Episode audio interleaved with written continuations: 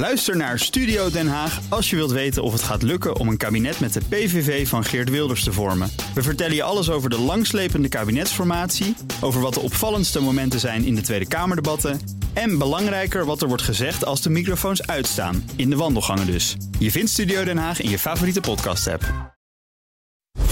BNR Beurs wordt mede mogelijk gemaakt door Bridge Fund. Make money smile. BNR Nieuwsradio. BNR Beurs. Wesley Weerts en Jochem Visser. Goed dat je luistert, het einde van je vakantie of het begin van je weekend. Je luistert naar de beursweek van vrijdag 1 september. In 25 minuten vertellen we je alles wat je deze week niet mocht missen. En we beantwoorden een luisteraarsvraag. Een antwoord op die vragen en op al onze vragen krijg je van Errol Keiner van beleggersvereniging VEB. Zometeen hebben we het over ASML. Dat moest eigenlijk vanaf vandaag stoppen met het leveren van bepaalde chipmachines aan China. Maar daar mag het lekker mee doorgaan. Hoe dat zit, dat hoor je zo. Maar eerst naar een bedrijf dat die machines van ASML nodig heeft. Jochem. Ja, Samsung schoot 6% omhoog vandaag. Krijgt een contract van Nvidia. Samsung gaat geavanceerde geheugenchips leveren aan dat bedrijf. En natuurlijk zijn die geheugenchips erg nuttig voor de kunstmatige intelligentie. Oh, wat verrassend. Ja, dat verrast je weer, hè? Analisten zijn er dan ook blij mee, want Samsung gaat leveren aan de huidige koning van AI, Nvidia. Nou, ik las echt bizar nieuws. Het gaat over een enorme diefstal bij Europa's grootste koperproducent, Aurubis. En die is eh, slachtoffer van metaaldieven. En die dieven die hebben voor 100 miljoen euro aan metalen gestolen. Heeft ook impact op de resultaten, flinke impact. Want Aurubis trekt namelijk de winstverwachting voor het hele jaar in. Maar eh, even 100 miljoen, Wes. Dan heb je het over een hele grote bak metaal ligt ergens. Hoe steel je dat dan? Ja, ik probeerde dat ook te achterhalen. Maar details over hoe die criminelen te werk zijn gegaan, die zijn er niet. Of die worden in ieder geval niet vrijgegeven. Maar dat het om georganiseerde misdaad gaat, ja, dat staat vast. Eerder dit jaar startte Aroepis al een onderzoek. En daarbij werden ook werkplekken van werknemers en de kantoren van aannemers eh, doorzocht. Maar volgens nog dus zonder echt resultaat. En die dieven, ja, ja, die gaan gewoon lekker door. Ja, dat ligt niet aan dieven, maar het gaat toch slecht met de Chinese economie. De problemen in het vastgoed die raken ook de beurzen en de banken. En daarom komen de autoriteiten met allemaal steunmaatregelen. Zo kost het nu ook een stuk minder om te handelen op de beurs in China. Ja, dat was begin deze week, werd dat aangekondigd. Precies. Uh, vorige week werd de jeugd jeugdwerkloosheid al niet meer aangekondigd. En nu zegt de centrale bank ook dat financiële instellingen minder buitenlandse valuta aan hoeven houden. Nou, klinkt een beetje gecompliceerd, maar dat is bedoeld om de eigen munt wat te stutten. Want daar kopen ze dan meer van. En dat helpt de yuan of renminbi, hoe je het ook wil noemen, omhoog. Benieuwd of het helpt? ASML dan, want dat mag nog vier maanden langer zijn geavanceerde chipmachines aan China leveren. Eigenlijk zouden de nieuwe exportregels vanaf vandaag gaan gelden, maar die deadline wordt op het allerlaatste moment opgeschoven. En dus heeft ASML voor die specifieke machines voorlopig nog geen vergunning nodig om aan China te verkopen. Maar ja, Errol, hoezo heeft ASML die extra maanden nodig? Want die exportban die had toch geen impact op ASML, zei notabene ASML zelf de hele tijd. Nee, de ban heeft wel impact uh, op de korte termijn, sowieso. Echte ASML heeft wel een punt, want de vraag naar haar machines is zo groot wereldwijd dat het niet uitmaakt dat een, zelfs een groot land als China even zegt van ik wil jullie machines niet of ik mag jullie machines niet kopen. Mhm. Op de lange termijn is het natuurlijk wel pijnlijk dat zo'n belangrijk land als China in feite een moeilijke klant wordt voor uh, ASML. En is dit dan een manier voor ASML nog even snel te pakken wat ze pakken kunnen? Even een, een boost geven aan die omzet? Ik denk dat ASML heel graag zoveel mogelijk wil verkopen. Dat is normaal voor, voor een bedrijf. Van de andere kant zal ASML denk ik niet de randen van de, van de maatregelen en de, de wetten opzoeken. Juist om niet uh, ruzie te creëren met allerlei uh, machtige landen zoals de Verenigde Staten, maar ook de Europese Unie. Mhm. Er zijn hele goede redenen om terughoudend te zijn met China. Nee, maar het is wel zo, ook als we naar de kwartaalcijfers uh, kijken, de laatste kwartaalcijfers, toen zag je ook wel dat China belangrijk is. Bijna een kwart van de omzet die ASML haalt uit de verkoop van apparatuur kwam van Chinese klanten. Meer dan daarvoor zelfs. Je ziet tegelijkertijd in de hele wereld eigenlijk dat je een beetje in een chipdip zit. Dus die Chinezen die compenseerden daarvoor. Maar is het zo dat als China straks wegvalt, dat de rest van de wereld wel snel genoeg compenseert voor die weggevallen omzet uit, uh, uit China? Trekt die chipmarkt snel genoeg aan? Wat ik wel weet, de, de chipmarkt ziet er nog steeds heel gezond uit. Maar dat hebben we in het verleden, afgelopen decennia, wel eens vaker gezien. Dat iedereen dacht, dit is onbeperkte hoge groei van tientallen procenten per jaar. Ja. En dan heb je plotseling een jaar, een soort varkenscyclus idee, dat plotseling alles stilvalt. En ineens zijn al die bedrijven die heel hoog gewaardeerd waren op de beurs, die halveren in waarde of, of, of erger. Zelfs ASML heeft het wel eens meegemaakt. Maar dat zie jij nu nog niet aankomen voor ASML, want Ik zie dat nu niet aankomen. ASML zelf ook niet. En als je kijkt naar een orderportefeuille, de machine die zij de komende 1, 2, misschien 3 jaar eh, zullen gaan leveren. Met geen mogelijkheid eh, zal dat onder druk gaan komen binnen nu en een jaar. Als je echt wat verder kijkt, ja, dan heeft ASML natuurlijk wel last als de hele markt in elkaar zal, zou storten. Vooralsnog vechten klanten om hun machines te mogen kopen. En wat vind jij er eigenlijk van dat die export van ASML-machines steeds verder aan banden wordt gelegd? Want dat doen we dan onder het mom van de nationale veiligheid. Goed idee? Begrijpelijk. Uh, begrijpelijk. Dat is ook natuurlijk ook uh, deels van waar de macht het grootst is. De macht van de Verenigde Staten is natuurlijk nog een stukje groter richting uh, Europese bedrijven als ASML dan die van de, van de Chinezen. Dus het is vaak ook een keuze moeten maken. wie wil je het liefst de vriend houden? Wie wordt dan per definitie de vijand? Dat gezegd hebbende, ook een moreel opzicht, er valt genoeg te zeggen over China. De manier van hoe ze uh, met governance omgaan. De manier hoe ze met burgerrechten omgaan. En de manier hoe ze met eigendom uh, van, van bedrijven en patenten en dergelijke omgaan. Maar laten we ons te veel voor het karretje van Amerika spannen? Ja, je kiest voor diegene die het meeste belang voor je heeft. In ieder opzicht. En wat dat gaat, Amerika heeft voor een Europees bedrijf als ASML meer macht dan de Chinezen. Shell is al jaren het mikpunt van klimaatactivisten. Zelfs aandeelhoudersvergaderingen zijn niet meer veilig. Maar die hoeft Shell misschien straks ook niet meer te houden, die vergaderingen. Want de olieruis kan ook gewoon de stekker trekken uit zijn beursnotering. En onze gast Errol denkt dat dat zomaar eens kan gebeuren. Het was eh, de week waarin er na anderhalf jaar weer gehandeld kon worden in het aandeel Evergrande. Het gebeurde nadat het bedrijf met cijfers kwam en beleggers wisten niet hoe snel ze het aandeel moesten dumpen. This one's going through the floor, isn't it? Now shares of the heavily indebted property developer plunged by as much as 87% on its open this Monday. Het bedrijf dat met betere cijfers kwam, was UBS. Nou, beter is een understatement, want door de overname van Credit Suisse werd de grootste bankenwinst ooit behaald. UBS has posted a record profit of 29 billion dollars in the three months to June. It's the Swiss bank's first earnings report since its takeover rival Credit Suisse. Van de banken naar de verzekeraars, de twee grote van ons land, NN en ASR kwamen met resultaten, maar het grote thema was klimaatverandering. Want die zorgt voor prijsstijgingen, waarschuwt AZ-topman Jos Baten. Je ziet het niet alleen in de stormen, maar je ziet het ook in branden in, uh, in Zuid-Europa. Grote overstromingen. De kosten als gevolg van weergerelateerde schades die zullen toenemen. Als je kijkt naar, want de vraag is altijd van ja, wat betekent dat dan in getallen? Uh, ik denk dat voor de, voor de komende vijf jaar je minimaal rekening moet houden met, uh, met gemiddelde verhogingen van 15 uh, procent over die periode. Maar er was meer nieuws rond die verzekeraars. En pensioenfondsen, van klein tot groot, want die stapten uit de wapenindustrie. Maar waar we wel instapten, of eigenlijk de Belgen, zijn staatsleningen. De Belgische staat vecht met banken, want banken betalen te weinig spaarrente.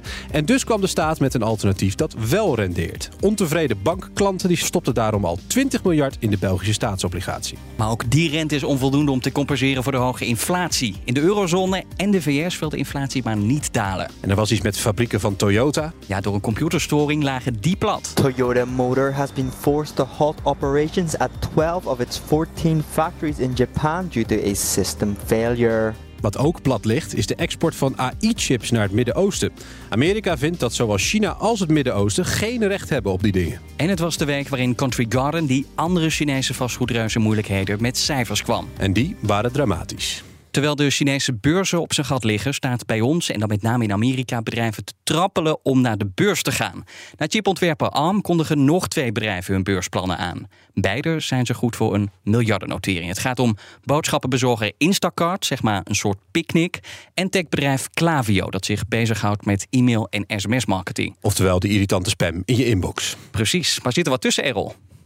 Niet dat ik weet. Kijk, ARM is natuurlijk wel, wel heel erg bekend. Maar die, die andere twee bedrijven, tot gisteren had ik er nog nooit van gehoord. Als ik heel eerlijk ben.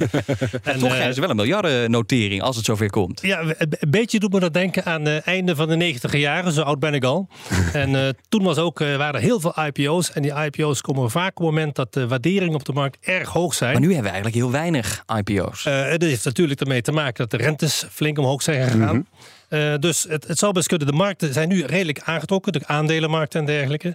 Dus uh, ja, ze krijgen met name zoveel aandacht, deze twee, uh, twee à drie bedrijven. Juist omdat er zo, zo weinig zijn. En velen kijken mee van, als dit gaat lukken, ga ik ook proberen een IPO te doen. De ervaring in het verleden is, je kunt soms een voltreffer hebben als je direct meedoet bij zo'n beursintroductie. Veelal, als je kijkt naar de aantallen, veelal van dat soort IPO's blijken hele dure aankopen te zijn. Is het vaak verstandig even af te wachten tot wat meer gegevens zijn zijn, betere cijfers, vakere cijfers, vaker kwartaalcijfers en dergelijke. Alvorens je een beslissing neemt als belegger om erin te stappen. Jij zei net al Instacart, Klaviyo, ik heb er nog nooit van gehoord. Het zijn allemaal Amerikaanse beursgangen. Maar als we naar eigen land kijken, welk Nederlands bedrijf moet wat jou betreft uh, zo snel mogelijk naar de beurs? Uh, niets moet. Uh, wat ik wil heel graag, Wat wat, zou ik, je wat, willen? ik, wat ik heel graag zou willen hebben, dat er meer ASML'en zouden zijn. Ja. Bedrijven die echt het verschil maken wereldwijd. Uh, een product waar echt behoefte aan is, waar je marktleider kunt zijn. Maar heel veel, voorbeelden, heel veel voorbeelden zie ik niet. Oké. Heel veel voorbeelden zie ik niet. En uh, dat zou ook zorgen kunnen baren. Uh, je ziet vaak de grootste innovatie toch komen uit andere landen. De Verenigde Staten, met alle kritiek die we vaak hebben op de VS. Heel veel innovatie, het goede, maar ook het slechte trouwens, komt uit dat land. Je hoort het al in het overzicht. De miljardenwinst van UBS. 29 miljard dollar om precies te zijn. De grootste bankenwinst ooit. En allemaal dus te danken aan de overname van Credit Suisse door UBS. Want ja, simpel gezegd is Credit Suisse veel meer waard dan UBS ervoor heeft betaald. En dit is een schrale troost voor de beleggers in Credit Suisse, want die verloren een hoop geld en zien UBS er met de buit van doorgaan. Ken jij nog uh, boze aandeel- of obligatiehouders, Errol? Uh, ik zelf niet. En ook bij de VEB is het redelijk stilgebleven. Dus er zijn blijkbaar niet veel leden van de VEB die met name de obliga achtergestelde obligaties hadden of de directe aandelen van Credit Suisse. Ik kan me de frustratie van beide groepen, zeker van die obligatiehouders, zeer goed voorstellen. Van de andere kant heeft uh, UBS uh, een gouden zet gedaan. Ze hebben risico genomen, maar het risico werd volledig gecompenseerd uh, ruime mate. Zodat je alleen maar 6% betaalde van hetgene wat de boekhouder zei wat de onderneming waard is. Ja, dat, dat was nogal wat. Maar dat werd natuurlijk gedwongen door de Zwitserse overheid, hè? mag erbij gezegd worden. Ja, ze hebben graag gebruik gemaakt van de dwang van de Zwitserse over overheid. En daarmee hebben ze twee dingen voor elkaar gekregen. Ze hebben een machtspositie gekregen wat de normale autoriteit nooit zou toestaan, in, met name in Zwitserland. Met afstand waren ze al heel groot. Ja. Nu zijn ze met afstand echt is niemand die maar aan de buurt kan komen als bank in Zwitserland. Maar het tweede is, ja, als je een concurrent mag overnemen laten we zeggen 110% van de boekwaarde is vaak al een goed idee. Want je moet vaak meer betalen wat een bedrijf waard is. Maar als je het met 94% korting kunt kopen, tja, wie zegt daar nee tegen? Nou ja, UBS kocht dus Credit Suisse met een enorme korting. Daar worden ook nog steeds rechtszaken over gevoerd door obligatiehouders en aandeelhouders ook. En die zeggen eigenlijk allemaal, ja, een paar maanden later is het opeens heel erg veel waard. Denk jij nou van, hier is, hier is de werkelijkheid geweld aangedaan? Of denk jij, ja, dat kon niet anders? Er was een bankrun, leek er gaande te zijn, ja. dat de zwaarders wegliepen. Uh, en het probleem wat je hebt bij banken is dat de, de autoriteiten, de, de, de, banktoezichthouders en dergelijke, uh, enorm machtig zijn. Veel machtiger dan bij een niet-bankaire instelling. Dat wil zeggen dat je de beweegruimte die een bank heeft in het algemeen veel minder is dan die van een normaal commercieel bedrijf. En als een autoriteit zegt, en nu stop je ermee en nu moet je dit doen, dan gehoorzaam je en is in een weekend is het gepiept. En dan in eigen land kwamen die andere financials ook nog met cijfers. Dan heb ik het over de verzekeraars. Nogmaals, het thema is daar klimaat. Premies moeten omhoog door onvoorspelbaar weer. En ik vroeg me af, is dat nou een pluspunt of juist een minpunt, Errol? Want door die onzekerheid kan je ook je premies omhoog gooien. Dat is het verhaal wat Warren Buffett vaker heeft verteld de afgelopen, jaren. Je zou in één extreem, stel voor dat het klimaat helemaal onbeheersbaar wordt, uh, alleen maar extreme en dergelijke. Daar kun je eigenlijk niet meer voor gaan prijzen. Of je zet de prijzen zo hoog dat niemand meer zo'n verzekering kan, kan kopen. Echter, in een gematigde vorm van veel orkanen en dergelijke is zeer, zeer gunstig voor verzekeraars of herverzekeraars. Vaak plaatsen de verzekeraars dat soort risico's door naar herverzekeraars. En dan kom je bij Warren Buffett bijvoorbeeld terecht. En uh, ja, uh, risico's uh, management, dat is natuurlijk hun vak. Als je als, als verzekeraar of herverzekeraar je controlemechanismes, je risicomanagement goed, goed hebt, voldoende schaal hebt, kun je met die prijsverhogingen enorm mooie marges maken. Dan naar een uh, ander klimaatrisico. In de afgelopen jaren was er natuurlijk veel aandacht voor, uh, voor klimaatverandering. Eigenlijk een beetje zo vanaf 2020, hè, vanaf de coronapandemie. Maar dat zag je dus ook wel terug in de waarderingen van dit soort aandelen. Maar van die hoge waarderingen is weinig over. Alleen deze week al verloor windmolenreus Ørsted meer dan 20% van zijn beurswaarde. Komt allemaal door stijgende kosten, hevige concurrentie en hogere rente. En pijnlijk, Ørsted had zich rijk gerekend met subsidies uit Amerika... Maar die subsidies die komen er niet. En dus moet Ørsted nu miljarden afschrijven. Is beleggen in duurzaamheid uit, Errol? Uh, ik, ik, denk beleggen, daar geldt alleen maar één ding Het staat er echt bovenaan van een heel lijstje wat je als belegger zou moeten overwegen. Maar wat helemaal bovenaan staat, een belegging moet een economische zin renderen. Beter gezegd, datgene waarin je belegt, die onderneming, moet uh, meer winst maken dan de kosten van kapitaal. Mm -hmm. En dan maakt het niet uit of het een duurzaam bedrijf is of niet duurzaam. Ook een duurzaam bedrijf is natuurlijk heel charmant en mooi, maar ook ja. een duurzaam bedrijf zal meer geld moeten verdienen dan de kosten die het maakt, maar ook dan de kosten, de rente of de kosten van eigen vermogen.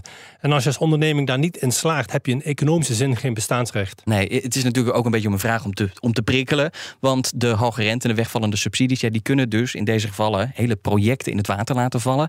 Waarom zou je die risico's nemen? Ik, als belegger zou ik zeggen, wees voorzichtig met investeren in ondernemingen die grotendeels afhankelijk zijn van subsidies. Maar dat zijn heel veel van die duurzame aandelen.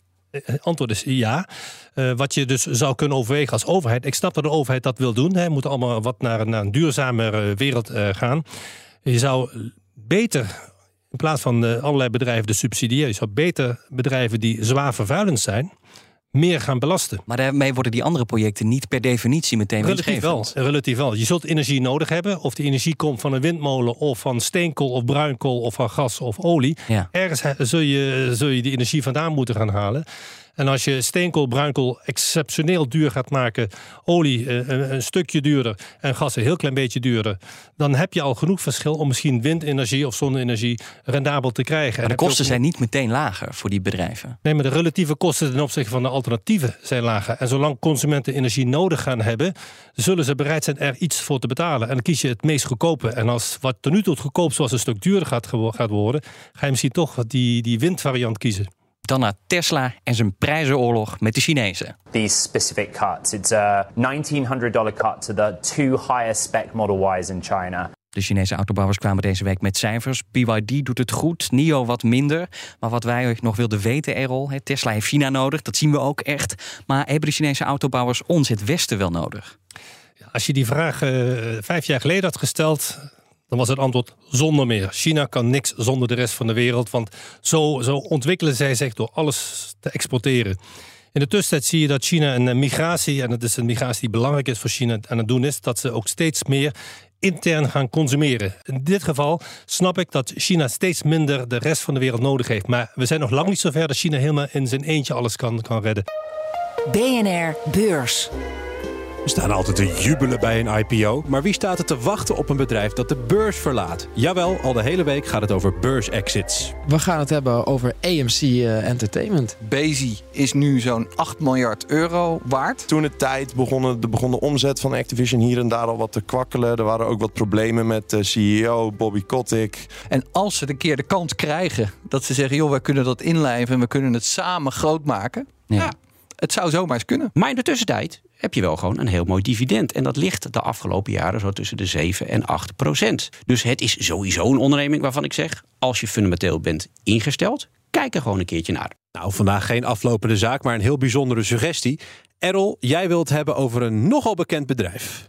Ja, Shell. Prikkelende stelling. Hè, dat snap ik uh, als, als geen ander. uh, maar ik denk niet helemaal idioot. Een bedrijf dat van de beurs zou kunnen. De hoofdreden is dat Shell uh, tot nu toe niet in staat is om de waardering in lijn te krijgen met die van de grote Amerikaanse concurrenten. Als je kijkt van hoe Shell op de beurs gewaardeerd staat vergeleken met ExxonMobil hè, of Chevron, nou ja, dan zou Shell eigenlijk 60, 70 procent op zijn minst duurder moeten gaan zijn. Dus Shell is natuurlijk al enige jaren nadenken hoe ze dat gat eh, kunnen, kunnen gaan dichten. De verhuizing naar Londen heeft het probleem zeker niet opgelost. Nee. Er is gesuggereerd, misschien moeten ze maar naar Amerika, eh, weg van, weg van Europa en dergelijke. Je zou ook kunnen zeggen van, misschien moet Shell zich concentreren op datgene, misschien het enige wat ze echt goed kunnen. En dat blijkt tot nu toe niet het duurzame te zijn geweest. Ze hebben nog echt geen oplossing gevonden om met duurzame energiewinning ja, een verdienmodel te creëren. Dat hebben ze diverse malen geprobeerd. Misschien moeten ze alleen maar datgene doen wat ze wel konden. Die oliebronnen en de gasbronnen die ze hebben uitmelken. Zo duur mogelijk verkopen en zo min mogelijk investeren. Maar dat is puur een economische eh, gedachte. Als ze dat zouden gaan doen, ze zouden makkelijk 10, 20 miljard per jaar investeringen kunnen besparen. Die ze nu al doen in het vinden van nieuwe bronnen en dergelijke. Zeg, wat je hebt, ga het uitmelken. Ga voor de rest ga dat geld gebruiken of aandelen in te kopen. Je kunt ieder jaar bij wijze van spreken bij de 10% van je aandelen inkopen. Als je eigenlijk heel weinig nog maar hoeft te investeren. En je krijgt een soort sterfhuisconstructie. Dat is één scenario. Het andere scenario waar, we, waar jullie mee begonnen. Uh, ja, misschien zou je kunnen zeggen, Shell is ongeveer 200 miljard waard op de beurs. Als iemand een uh, 100 miljard bij elkaar kan vegen en de rest kun je misschien lenen en dergelijke bij Shell zelf ik denk dat er partijen zullen zijn, en misschien zelfs Shell ook, dat zegt als de markt, als we niet in staat zijn om via de normale markt onze waardering eruit te krijgen, misschien moeten we wel weggaan. En daar moeten aandeelhouders wel instemmen. Of je nou de route kiest van naar Amerika gaan en die waardering opschroeven, of je kiest de route van helemaal privaat gaan, dan moeten de huidige aandeelhouders daar wat van vinden. Ja, aandeelhouders uh, die willen eh, graag uh, dat, dat ze rijker worden via dividend of dat de koers gaat stijgen. Uh, er zal dus iemand met een bod moeten gaan komen dat beduidend hoger gaat zijn dan die 200 miljard. Het minder extreme scenario, daar ben ik, daar ben ik mee begonnen. Je kunt je scenario voorstellen dat Shell minder gaat investeren voor de toekomst. En datgene wat ze aan, cash, aan, aan, aan investeringen besparen, gaan gebruiken om nog meer aandelen in te kopen. En dan verdwijn je geleidelijk van de beurs. Ja, dan kun je zeggen, dan ben je in ieder geval van die aandeelhouders af die die duurzame koers willen hebben. Maar daarmee is het niet afgelopen. Want er worden ook rechtszaken aangespannen. Dus ook eh, via die route moet je je aan allerlei regels houden. We hebben overheden die Shell achter de broek aan zitten, dan moet Shell toch nog steeds die duurzame koers gaan varen. Uiteindelijk, als we echt met z'n allen een, een duurzamere wereld willen gaan hebben, zullen we zelf moeten ophouden met het consumeren van olie en gas. En zolang we daar niet mee ophouden, zullen we ja, misschien minder stevig moeten gaan wijzen naar partijen als Shell of Exxon. Zie je een van de twee ook echt gebeuren? Uh, het, het eerste dat uh, Shell maar niet alleen Shell, minder gaat investeren in zaken van zeggen, ja, dat is, kijk, investeren in het vinden van nieuwe olie en gas, dat is juist meer riskant. Laat dat dan maar zitten. Dat scheelt je echt 10, 15 miljard per jaar op zijn minst. Ja. Als je daarnaast, dus die kun je in je zak houden, dan wel uitdelen aan je aandeelhouder. Ja, ik, ik moet nog even inbreken, want uh, je hebt dan allemaal infrastructuur, dat kun je ook gebruiken voor waterstof en dat soort dingen. Maar jij zegt eigenlijk, alle fossiele bedrijven, nou, alle is misschien wat veel, maar je kan ze in een sterfhuisconstructie zetten, ja. langzaam afbouwen, geen kosten meer. Um, en laat anderen dan maar het volgende energiesysteem bouwen. Ja, het, het liefst zou ik hebben, hè, dat vindt de VEB ook, dat Shell een methode vindt met al die knappe koppen bij elkaar. Maar als Shell ten nu toe niet in staat blijkt en ook niet erg positief, veel positieve signalen geeft dat ze iets gaan vinden wat meer duurzaam gaat worden, laat andere partijen dat dan maar gaan doen. Dat geld vindt dan een, een weg naar duurzamere initiatieven, met die worden dan niet door Shell gemanaged. Nee, maar die zijn ook niet zo winstgevend. Nou, ik hoop dat die duurzame initiatieven door knappe koppen die niet bij Shell blijken te werken, uh, wel uh, economisch rendabel kunnen worden gemaakt. Maar waarom zou dat als Shell het niet lukt, waarom iemand anders wel? Omdat Shell niet alles machtig is. Er zijn sommige dingen die ze heel goed doen, andere dingen niet. BNR Beurs.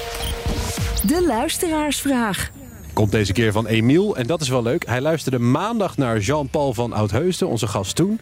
En hij speculeerde over een overname van Bezi. Bezi werkt al een tijd samen met het grotere Applied Materials. En Jean-Paul dacht, op maandag dus, dat is een grote vis. Die kan dat kleinere Bezi wel opslokken. Bezi is nu zo'n 8 miljard euro waard. Dus wat dat betreft is het wel op te rapen. Nou, die Amerikanen, als ze iets zien wat heel goed is... zou het zomaar kunnen zijn dat ze zeggen... nou, laten we dat eens uh, nog wat dichter naar ons toe trekken. Ja, zie je dat ook gebeuren, Errol? Een overname van Bezi door Applied Materials? Het kan, maar ik heb die, die informatie, die kennis heb ik niet. Je zou bijna willen zeggen dat hadden ze misschien vijf jaar geleden moeten doen. Toen oh. Bezi in relatieve zin veel en veel goedkoper was. Uh, dus wel begrijpelijk. In die markt die ontzettend snel groeit, dat je naar mogelijkheden zoekt als grote producent, zoals uh, Applied Material onder andere is, om te kijken, kun je je portefeuille, kun je dat verder versterken, kun je ook integratie gaan doen, enzovoort, enzovoort. Dus het is begrijpelijk dat je om je heen kijkt, maar die kennis heb ik niet. Nou, wat mij fascineert, kijk, ze werken samen, die twee bedrijven, en Applied Materials, dat heeft een market cap of een beurswaarde van meer dan 100 miljard. Ja. Bezi uh, nogal wat minder, een tiende daarvan en dan nog minder. Maar ja, Bezi staat op 50 keer de jaarwinst.